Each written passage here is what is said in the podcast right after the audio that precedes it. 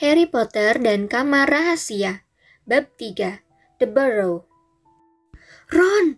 Desa Harry, merayap ke jendela dan mendorongnya ke atas agar mereka bisa bicara lewat jeruji. Ron, bagaimana kau? Apa i? Harry ternganga ketika sadar sepenuhnya apa yang dilihatnya. Ron menjulurkan tubuhnya dari jendela belakang mobil tua berwarna hijau toska yang diparkir di tengah udara. Fred dan George, kakak kembarnya, nyengir kepada Harry dari tempat duduk depan. Baik-baik saja, Harry. Apa yang terjadi? Tanya Ron. Kenapa kau tidak membalas surat-suratku? Sudah 12 kali ku minta kau datang. Kemudian Dad pulang dan bilang kau mendapat peringatan resmi gara-gara menggunakan sihir di depan Muggle. Bukan aku. Dan bagaimana dia tahu? Dia kerja di Kementerian Sihir, kata Ron. Kau kan tahu kita dilarang menggunakan sihir di luar sekolah. Aneh juga kau ngomong begitu, kata Harry, memandang mobil yang melayang itu. Oh, ini tidak masuk hitungan, kata Ron. Kami cuma pinjam. Ini punya Dad, bukan kami yang menyihirnya. Tetapi menyihir di depan Muggle, di tempat kau tinggal, sudah kubilang itu bukan aku. Tapi perlu waktu lama untuk menjelaskannya sekarang. Bisakah kau katakan kepada mereka di Hogwarts bahwa keluarga Dursley mengurungku dan tidak mengizinkanku kembali? Dan jelas aku tidak bisa menyihir diriku keluar kamar, karena Kementerian Sihir nanti mengira itu kedua kalinya aku menyihir dalam waktu tiga hari. Jadi, berhenti ngoceh, kata Ron. Kami datang untuk membawamu pulang bersama kami. Tapi, kalian juga tidak bisa menyihirku bebas. Tidak perlu, kata Ron, mengedikan kepalanya ke arah tempat duduk depan sambil menyeringai. Kau lupa siapa yang bersamaku. Ikat ini di sekeliling jeruji-jeruji itu, kata Fred, melempar ujung seuntai tambang kepada Harry. Kalau keluarga Dursley bangun, mati aku, kata Harry ketika dia mengikatkan tambang erat-erat ke satu jeruji, sementara Fred menekan pedal gas kuat-kuat. Jangan khawatir, kata Fred. Sekarang kau mundur. Harry mundur ke tempat remang-remang di sebelah Hedwig. Hedwig rupanya menyadari betapa pentingnya kejadian ini, sehingga dia diam tak bersuara. Deru mobil semakin keras, dan mendadak dengan bunyi berkelontangan, jeruji-jeruji itu berhasil dicabut dari jendela, sewaktu Fred meluncurkan mobil ke atas. Harry berlari kembali ke jendela dan melihat jeruji itu bergelantungan kira-kira semeter dari tanah. Terengah-engah, Ron menariknya ke dalam mobil. Harry mendengarkan dengan cemas, tetapi tak terdengar suara dari kamar tidur keluarga Dursley.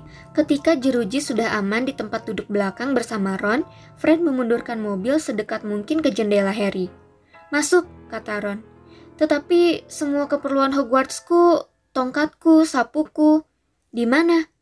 Dikunci di lemari di bawah tangga, dan aku tidak bisa keluar dari kamar ini. Tak jadi soal, kata George dari tempat duduk depan.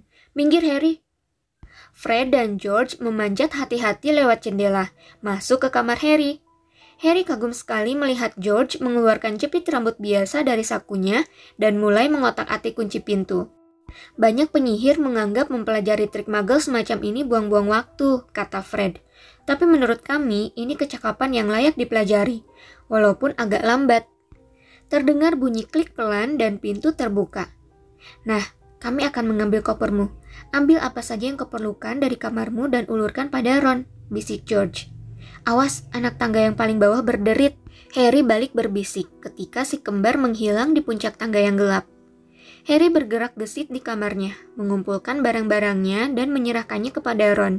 Kemudian dia membantu Fred dan George menggotong kopernya ke atas. Harry mendengar Paman Vernon terbatuk. Akhirnya, terengah-engah, mereka tiba di puncak tangga lalu membawa koper itu ke jendela kamar. Fred memanjat kembali ke dalam mobil untuk menarik koper bersama Ron, sementara Harry dan George mendorong dari kamar. Senti demi senti, koper itu bergerak melewati jendela. Paman Vernon terbatuk lagi. Sedikit lagi, sengal Fred, yang menarik dari dalam mobil. Dorong keras-keras. Harry dan George mendorong koper itu dengan bahu, dan koper itu pun meluncur dari jendela ke tempat duduk belakang mobil. Oke, kita berangkat, bisik George. Tetapi ketika Harry memanjat ambang jendela, terdengar jerit nyaring di belakangnya, diikuti gelegar suara paman Vernon. Burung hantu sialan! Aku lupa Hedwig! Harry berlari kembali ke seberang kamar ketika lampu di atas tangga loteng menyala. Dia menyambar sangkar Hedwig, berlari ke jendela, dan menyerahkannya kepada Ron. Dia sedang memanjat lemari lacinya ketika Paman Vernon menggedor pintu yang sudah tak terkunci, dan pintu berdebam terbuka. Sedetik, Paman Vernon berdiri terpaku di depan pintu. Kemudian dia melenguh seperti banteng terluka dan melesat mengejar Harry, menyambar pergelangan kakinya. Ron, Fred, dan George meraih lengan Harry dan menarik sekuat tenaga. Petunia! raung Paman Vernon. Dia kabur! Dia kabur! Weasley bersaudara menyentak keras sekali dan kaki Harry terlepas dari cengkraman Paman Vernon. Begitu Harry sudah di dalam mobil dan membanting pintunya menutup, Ron berteriak, Tancap Fred! Dan mobil itu tiba-tiba saja meluncur menuju bulan. Harry tak bisa mempercayainya. Dia bebas. Dia menurunkan kaca jendela mobil. Angin malam mengibarkan rambutnya. Dia memandang atap rumah-rumah di private drive yang semakin menjauh. Paman Vernon, Bibi Petunia, dan Dudley, ketiganya menatap terpana dari jendela kamar Harry. Sampai musim panas tahun depan, seru Harry. Weasley bersaudara terbahak dan Harry bersandar kembali ke tempat duduknya, nyengir lebar sekali. Keluarkan Hedwig, katanya kepada Ron. Dia bisa terbang mengikuti kita. Sudah lama sekali dia tak punya kesempatan merentangkan sayapnya. George menyerahkan jepit rambut kepada Ron, dan sesaat kemudian Hedwig sudah meluncur yang gembira dari jendela mobil, lalu melayang-layang mengikuti mereka seperti hantu. Jadi, bagaimana ceritanya Harry? Kata Ron tak sabar. Apa yang terjadi? Harry menceritakan kepada mereka semua tentang Dobby, peringatan yang diberikannya kepada Harry, dan musibah puding violet. Terjadi kesunyian yang panjang setelah Harry mengakhiri ceritanya. Mereka kaget Sangat mencurigakan, kata Fred akhirnya. Jelas mengada-ada. George menyetujui. Jadi dia bahkan tidak mau memberitahu siapa yang merencanakan semua ini. Kurasa dia tak bisa, kata Harry. Sudah kukatakan, setiap kali nyaris buka rahasia, dia langsung membentur-benturkan kepalanya ke dinding. Harry melihat Fred dan George berpandangan. Kalian mengira dia bohong kepadaku, kata Harry. Ya, kata Fred. Coba pikirkan, peri rumah punya kekuatan gaib sendiri, tetapi mereka biasanya tidak bisa menggunakannya tanpa izin tuan mereka. Kurasa si Dobby itu sengaja dikirim untuk mencegahmu kembali ke Hogwarts. Ada yang mau mempermainkanmu. Apa di sekolah ada yang dendam padamu? Ada. Harry dan Ron langsung menjawab bersamaan. Draco Malfoy, Harry menjelaskan. Dia membenciku. Draco Malfoy, kata George menoleh bukan anak Lucius Malfoy kan? Mestinya, itu bukan nama yang sangat umum kan, kata Harry. Kenapa? Aku dengar Dad bicara tentang dia, kata George. Dia pendukung besar kau tahu siapa. Dan waktu kau tahu siapa menghilang, kata Fred, menoleh memandang Harry. Lucius Malfoy kembali. Katanya dia tidak bermaksud melakukan semua itu. Omong kosong. Dad berpendapat dia orang dekat kau tahu siapa. Harry tak pernah mendengar desas-desus tentang keluarga Malfoy sebelumnya, dan ini sama sekali tidak mengejutkannya. Kalau dibandingkan dengan Malfoy, Dudley Dursley tampak seperti anak yang baik, bijaksana, dan penuh perasaan. Aku tak tahu apakah keluarga Malfoy punya peri rumah, kata Harry. Siapa pun pemiliknya, tentulah keluarga penyihir yang sudah turun-temurun dan kaya raya, kata Fred. Ya, Mam ingin sekali kami punya peri rumah untuk menyetrika, kata George. Tapi yang kami punya hanyalah hantu konyol di loteng dan jembalang yang berkeliaran di kebun. Peri rumah adanya di rumah-rumah besar, kastil, dan tempat-tempat seperti itu. Kau tak akan menemukannya di rumah kami. Harry diam, melihat fakta bahwa Draco Malfoy biasanya memiliki segala sesuatu yang paling baik, keluarganya pastilah bergelimang uang sihir. Dia bisa membayangkan Malfoy berkeliaran di rumah besar, Mengirim pelayan rumah untuk mencegah Harry kembali ke Hogwarts kelihatannya juga jenis hal yang akan dilakukan Malfoy. Bodohkah Harry menanggapi Dobby secara serius? Tapi aku senang kami datang mengambilmu, kata Ron. Aku cemas sekali ketika kau tidak membalas satupun suratku. Mulanya aku kira Errol yang salah. Siapa Errol? Burung hantu kami. Dia sudah tua sekali. Bukan untuk pertama kalinya dia pingsan waktu mengantar surat. Jadi kemudian ku coba meminjam Hermes. Siapa? Burung hantu yang Mam dan Dad belikan untuk Percy ketika dia diangkat jadi prefect, kata Fred dari tempat duduk depan. Tapi Percy tak mau meminjamkannya padaku, kata Ron. Katanya dia sendiri memerlukannya. Tingkah Percy aneh sekali sepanjang musim panas ini, kata George. Dahinya berkerut. Dia mengirim banyak surat dan melewatkan banyak waktu mengurung diri dalam kamarnya. Maksudku, berapa kali sih kita perlu menggosok rencana prefect? Kau nyetir tahu ke barat, Fred? Katanya menambahkan, menunjuk kompas di dashboard. Fred memutar roda kemudi. Apakah ayah kalian tahu kalian membawa mobil ini? Tanya Harry, sudah menduga jawabannya. Uh, tidak, kata Ron. Dia harus bekerja malam ini. Mudah-mudahan kita bisa mengembalikannya ke garasi sebelum menyadari kita menerbangkannya. Apa sih pekerjaan ayah kalian di Kementerian Sihir? Dia bekerja di departemen paling membosankan, kata Ron. Kantor penyalahgunaan barang-barang magel. Apa? Segala sesuatu yang ada hubungannya dengan menyihir barang-barang buatan magel. Soalnya siapa tahu barang itu nantinya kembali ke toko atau rumah magel. Seperti tahun lalu, ada penyihir tua wanita meninggal dan peralatan minum tehnya dijual ke toko barang antik. Ada magel perempuan yang membelinya, membawanya pulang, dan menjemput temannya dengan peralatan ini. Benar-benar kacau balau. Selama berminggu-minggu, Dad harus kerja lembur. Apa yang terjadi? Teko tehnya ngamuk dan menyemburkan teh mendidih ke seluruh ruangan. Dan seorang laki-laki harus dibawa ke rumah sakit dengan penjepit gula menjepit hidungnya. Dad panik Cuma ada dia dan satu penyihir tua bernama Perkins di kantor. Mereka harus menggunakan jimat memori dan segala macam mantra lainnya untuk menutupi peristiwa ini. Tetapi ayahmu, mobil ini? Fred tertawa. Ya, dia tergila-gila pada segala sesuatu yang ada hubungannya dengan Muggle. Gudang kami penuh dengan barang-barang Muggle. Dia membongkarnya, memantrainya, dan merakitnya kembali. Kalau dia merazia rumah kami sendiri, dia pasti harus langsung menangkap dirinya sendiri. Mam sampai kesal. Itu jalan utamanya, kata George menyipitkan mata, memandang ke bawah melalui kaca depan. Sepuluh menit lagi kita sampai. Untunglah, sudah mulai terang. Semburat pucat kemerahan sudah mulai tampak di ufuk timur. Fred menurunkan mobilnya dan Harry melihat petak-petak ladang dan gerumbul-gerumbul pohon yang gelap. Kita sudah hampir sampai di tepi desa, kata George. Ottery St. Catchpole. Mobil terbang itu semakin lama semakin rendah, tapi lingkaran matahari yang merah jingga sekarang berkilau di antara pepohonan. Pendaratan, kata Fred, ketika dengan entakan kecil mereka menyentuh tanah. Mereka mendarat di sebelah garasi yang hampir roboh di halaman kecil itu, dan Harry untuk pertama kalinya melihat rumah Ron. Tampaknya dulunya rumah ini kandang babi besar, tetapi kamar-kamar ekstra sudah ditambahkan di sana-sini sampai rumah ini menjadi beberapa tingkat dan miring sekali. Sehingga seolah rumah ini masih bertahan berdiri karena disihir, yang Harry mengingatkan dirinya mungkin memang benar. Empat atau lima cerobong asap bertengger di atas atap merahnya. Papan miring yang ditancapkan di tanah dekat pintu masuk bertulisan The Barrow, liang. Di sekeliling pintu depan bertebaran sepatu bot dan kuali yang sudah sangat berkarat. Beberapa ayam coklat gemuk sedang mematuk-matuk di halaman. Tidak seberapa, kata Ron.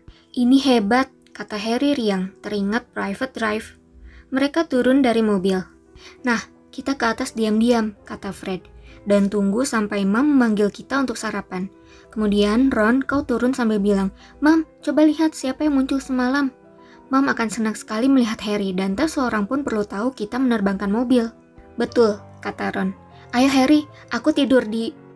Wajah Ron berubah pucat. Matanya terpaku ke rumah. Yang lain segera berbalik. Mrs. Weasley berjalan tegap menyeberangi halaman, membuat ayam-ayam menyebar. Untuk wanita pendek, gemuk, berwajah ramah, mengherankan sekali betapa miripnya dia dengan harimau bergigi pedang sekarang. Ah, kata Fred. Oh, kata George. Mrs. Weasley berhenti di depan mereka, tangannya dipinggul, memandang bergantian wajah-wajah bersalah itu. Dia memakai celemek berbunga-bunga dengan tongkat mencuat keluar dari sakunya. Jadi, katanya. Pagi, Mam, kata George dengan suara yang dianggapnya riang membujuk. Tahukah kalian betapa cemasnya aku? kata Mrs. Weasley dalam bisikan maut.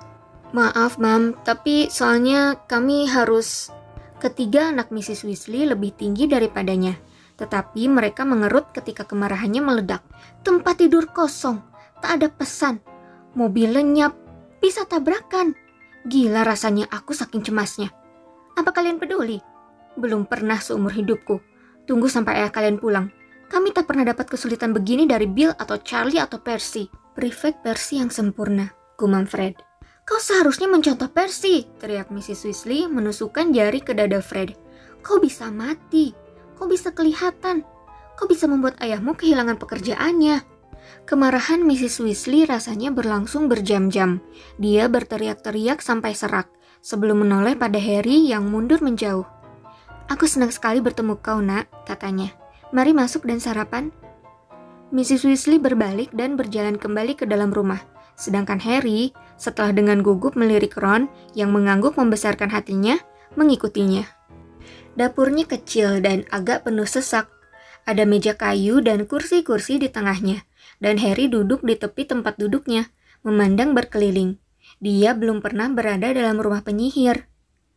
Jam di dinding di depannya cuma punya satu jarum, dan sama sekali tak ada angkanya. Mengitari tepinya, ada tulisan-tulisan seperti waktu membuat teh, waktu memberi makan ayam-ayam, dan kau terlambat.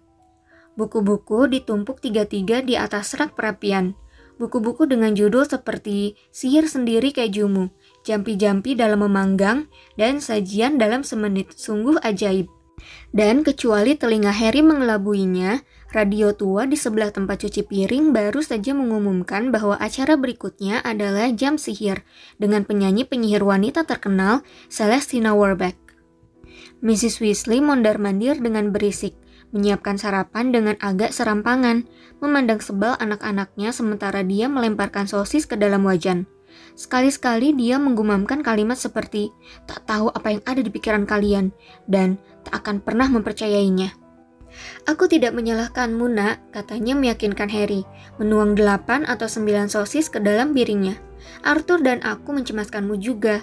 Baru semalam kami katakan kami sendiri akan datang menjemputmu kalau sampai hari Jumat kau tidak membalas surat Ron.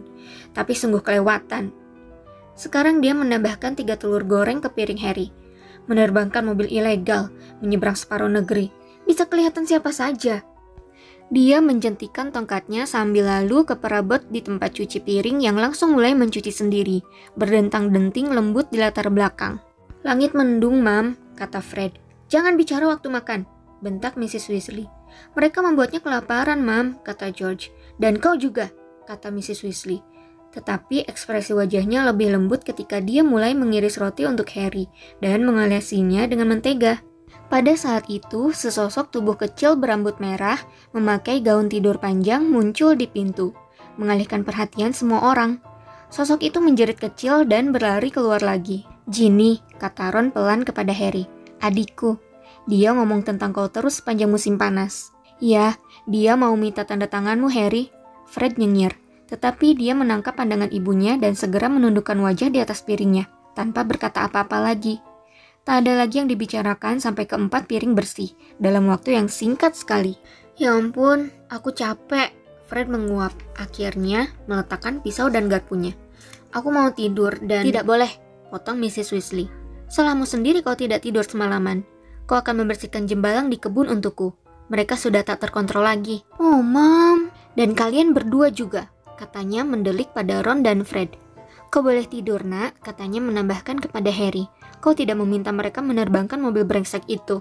Tetapi Harry yang sama sekali tidak mengantuk buru-buru berkata, Saya akan membantu Ron. Saya belum pernah melihat pembersihan jembalang. Kau baik sekali, nak. Tapi itu pekerjaan membosankan, kata Mrs. Weasley. Coba kita lihat dulu apa kata Lockhart tentang masalah ini. Dan dia menarik sebuah buku berat dari tumpukan di atas rak perapian. George mengerang. Mam, kami sudah tahu bagaimana membersihkan kebun dari jembalang. Harry memandang sampul buku Mrs. Weasley. Judulnya ditulis dengan huruf-huruf emas indah. Penuntun penanganan hama rumah Gilderoy Lockhart. Di sampul itu terpampang foto besar penyihir yang amat tampan, dengan rambut pirang berombak dan mata biru cerah. Seperti biasanya di dunia sihir, foto itu bergerak-gerak. Si penyihir yang Harry duga adalah Gilderoy Lockhart tak henti-hentinya mengedip nakal kepada mereka semua. Mrs. Weasley menunduk tersenyum kepadanya. Oh, dia hebat sekali, katanya. Dia tahu betul tentang hama-hama rumah. Ini buku yang bagus sekali. Mam naksir dia, kata Fred dalam bisikan yang sangat jelas. Jangan ngaco, Fred, kata Mrs. Weasley. Pipinya merona merah jambu. Baiklah, kalau kalian merasa lebih tahu dari Lockhart, kalian boleh keluar dan langsung mulai. Awas kalau sampai masih ada satu saja jembalang di kebun waktu aku memeriksanya nanti. Menguap dan menggerutu, Ron dan kedua kakaknya berjalan ogah-ogahan keluar, diikuti Harry. Kebun mereka luas, dan dalam pandangan Harry, begitulah seharusnya kebun. Keluarga Dursley tidak akan menyukainya. Ada banyak ilalang, rumputnya perlu dipotong. Tetapi ada pohon-pohon yang batangnya berbonggol-bonggol di sekeliling tembok. Tanaman-tanaman yang belum pernah dilihat Harry melimpah dengan lebatnya dari setiap petak bunga. Dan ada kolam besar penuh kodok. Muggle juga punya jembalang kebun loh, Harry memberitahu Ron ketika mereka menyeberang ke kebun. Ya, aku sudah melihat apa yang mereka sebut jembalang, kata Ron membungkuk dengan kepala tenggelam di semak bunga peony. Seperti Santa Claus gemuk membawa tangkai pancing.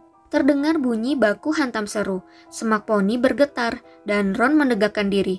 Ini jembalang, katanya suram. Lepaskan aku, lepaskan aku, jerit sejembalang. Makhluk itu sama sekali tidak seperti Santa Claus, melainkan bertubuh kecil, kulitnya kasar, dengan kepala besar botak menonjol persis kentang. Ron memegangnya agak jauh, sementara si jembalang menendang-nendangnya dengan kakinya yang kecil bertanduk. Ron mencengkram pergelangan kakinya dan menjungkirkannya. Ini yang harus kau lakukan, katanya. Ron mengangkat si jembalang ke atas kepalanya. Lepaskan aku. Lalu mulai memutar-mutarnya dalam lingkaran besar seperti lasso.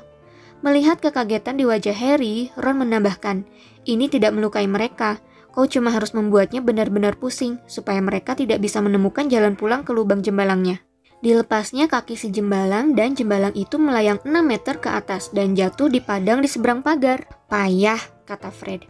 Aku pasti bisa melempar jembalangku sampai melewati tunggul itu. Harry belajar dengan cepat untuk tidak merasa terlalu kasihan kepada si jembalang. Dia memutuskan untuk menjatuhkan saja jembalang pertama yang ditangkapnya ke balik pagar. Tetapi si jembalang yang bisa merasakan kelemahan menancapkan gigi-giginya yang setajam silet ke jari Harry. Dan Harry dengan susah payah mengibaskannya. Sampai, wow Harry, pasti ada 15 meter tuh. Segera saja udara dipenuhi jembalang yang beterbangan. Lihat kan, mereka tidak terlalu pintar, kata George menyambar lima atau enam jembalang sekaligus. Begitu mereka tahu pembersihan jembalang dimulai, mereka malah keluar untuk melihat. Mestinya kan malah ngumpet. Tak lama kemudian, gerombolan jembalang di padang mulai melangkah lesu menjauh. Mereka akan kembali, kata Ron, ketika mereka mengawasi para jembalang menghilang ke balik pagar di sisi lain padang. Mereka senang di sini. Dia terlalu lunak terhadap mereka. Dia menganggap mereka lucu. Saat itu terdengar pintu depan terbanting. Dia pulang, kata George. Dad pulang. Mereka bergegas menyeberangi kebun, kembali ke rumah. Mr. Weasley duduk lesu di kursi dapur dengan kacamata dilepas. Dia kurus, hampir botak, tetapi sisa rambut yang masih ada sama merahnya dengan rambut anak-anaknya. Dia memakai jubah hijau panjang yang berdebu dan kelihatan habis dipakai bepergian. Bukan main semalam, gumamnya, meraih tekote sementara mereka duduk mengelilinginya. Sembilan penyerbuan, Sembilan. Dan si mendenges Fletcher mencoba menyihirku ketika aku berbalik. Mr. Weasley mendeguk tehnya dan menghela napas. Ada yang ditemukan, Dad? Tanya Fred bersemangat. Yang ku dapat hanyalah beberapa kunci pintu yang mengerut dan ceret yang menggigit, kata Mr. Weasley menguap. Tapi ada barang-barang kotor yang bukan bagian departemenku. Mortlake dibawa pergi gara-gara mempertanyakan beberapa binatang sejenis musang yang sudah tua sekali. Tapi itu tugas komite jimat eksperimental untungnya. Untuk apa orang membuat kunci mengerut? Tanya George. Cuma untuk memancing magel, keluh Mr. Weasley. Jual kepada mereka kunci yang terus mengerut sampai akhirnya menghilang, sehingga mereka tidak bisa menemukannya sewaktu memerlukannya. Tentu saja, susah sekali meyakinkan orang karena tak ada magel yang mau mengakui kunci mereka mengerut makin lama makin kecil. Mereka akan ngotot mengatakan mereka lagi-lagi kehilangan kunci. Untung saja para magel ini akan berusaha dengan segala macam cara untuk mengabaikan kejadian gaib, bahkan kalau itu terjadi di depan mereka. Tapi barang-barang yang telah diambil bangsa kita untuk disihir, kalian tidak akan percaya. Seperti mobil misalnya. Mrs. Weasley telah muncul, membawa penyodok panjang seperti memegang pedang. Mata Mr. Weasley langsung terbuka lebar. Dia memandang istrinya dengan perasaan bersalah. mobil, Molly sayang? Ya, Arthur, mobil kata Mrs. Weasley, matanya berkilat. Bayangkan, penyihir yang membeli mobil tua karatan dan memberitahu istrinya yang ingin dilakukannya dengan mobil itu hanyalah membongkarnya untuk mengetahui bagaimana cara kerjanya. Padahal ternyata dia menyihir mobil itu agar bisa terbang. Mr. Weasley mengejapkan mata. Ya, sayang, kurasa dia tidak melanggar hukum karena melakukan itu. Bahkan jika uh, dia mungkin seharusnya lebih baik um, memberitahu istrinya yang sebenarnya. Selalu ada peluang untuk lolos dalam peraturan, kau, kau akan tahu. Sejauh dia tidak bermaksud menerbangkan mobil itu. Fakta bahwa mobil itu bisa terbang tidak akan... Arthur Weasley, Kau mengatur agar ada peluang lolos ketika kau menulis peraturan itu, teriak Mrs. Weasley. Hanya supaya kau bisa terus bermain-main dengan semua rongsokan magel di garasimu itu.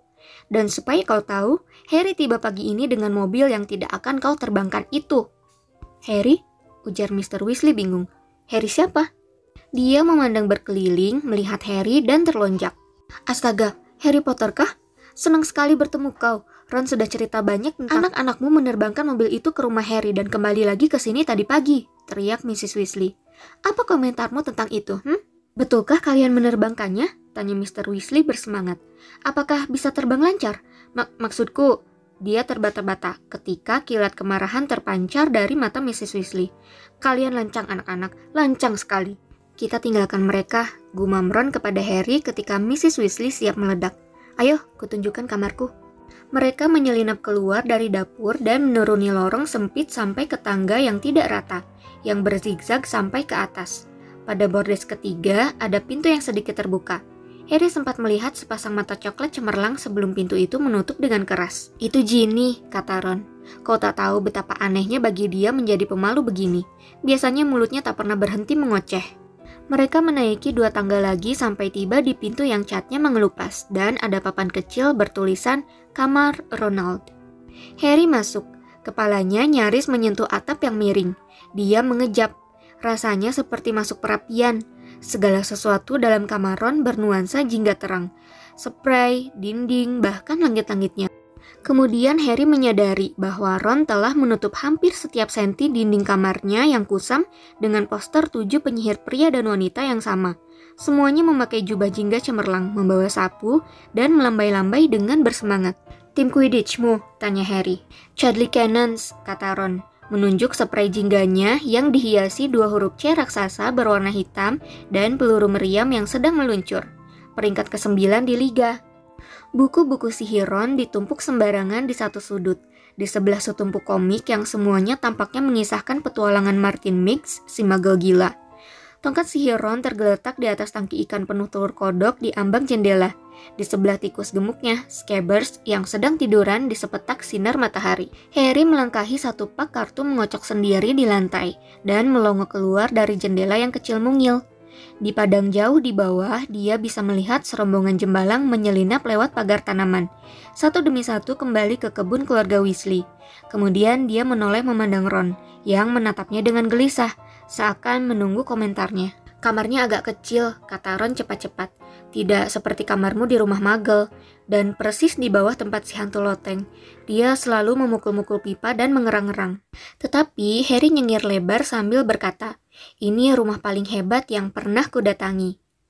Telinga Ron langsung merah.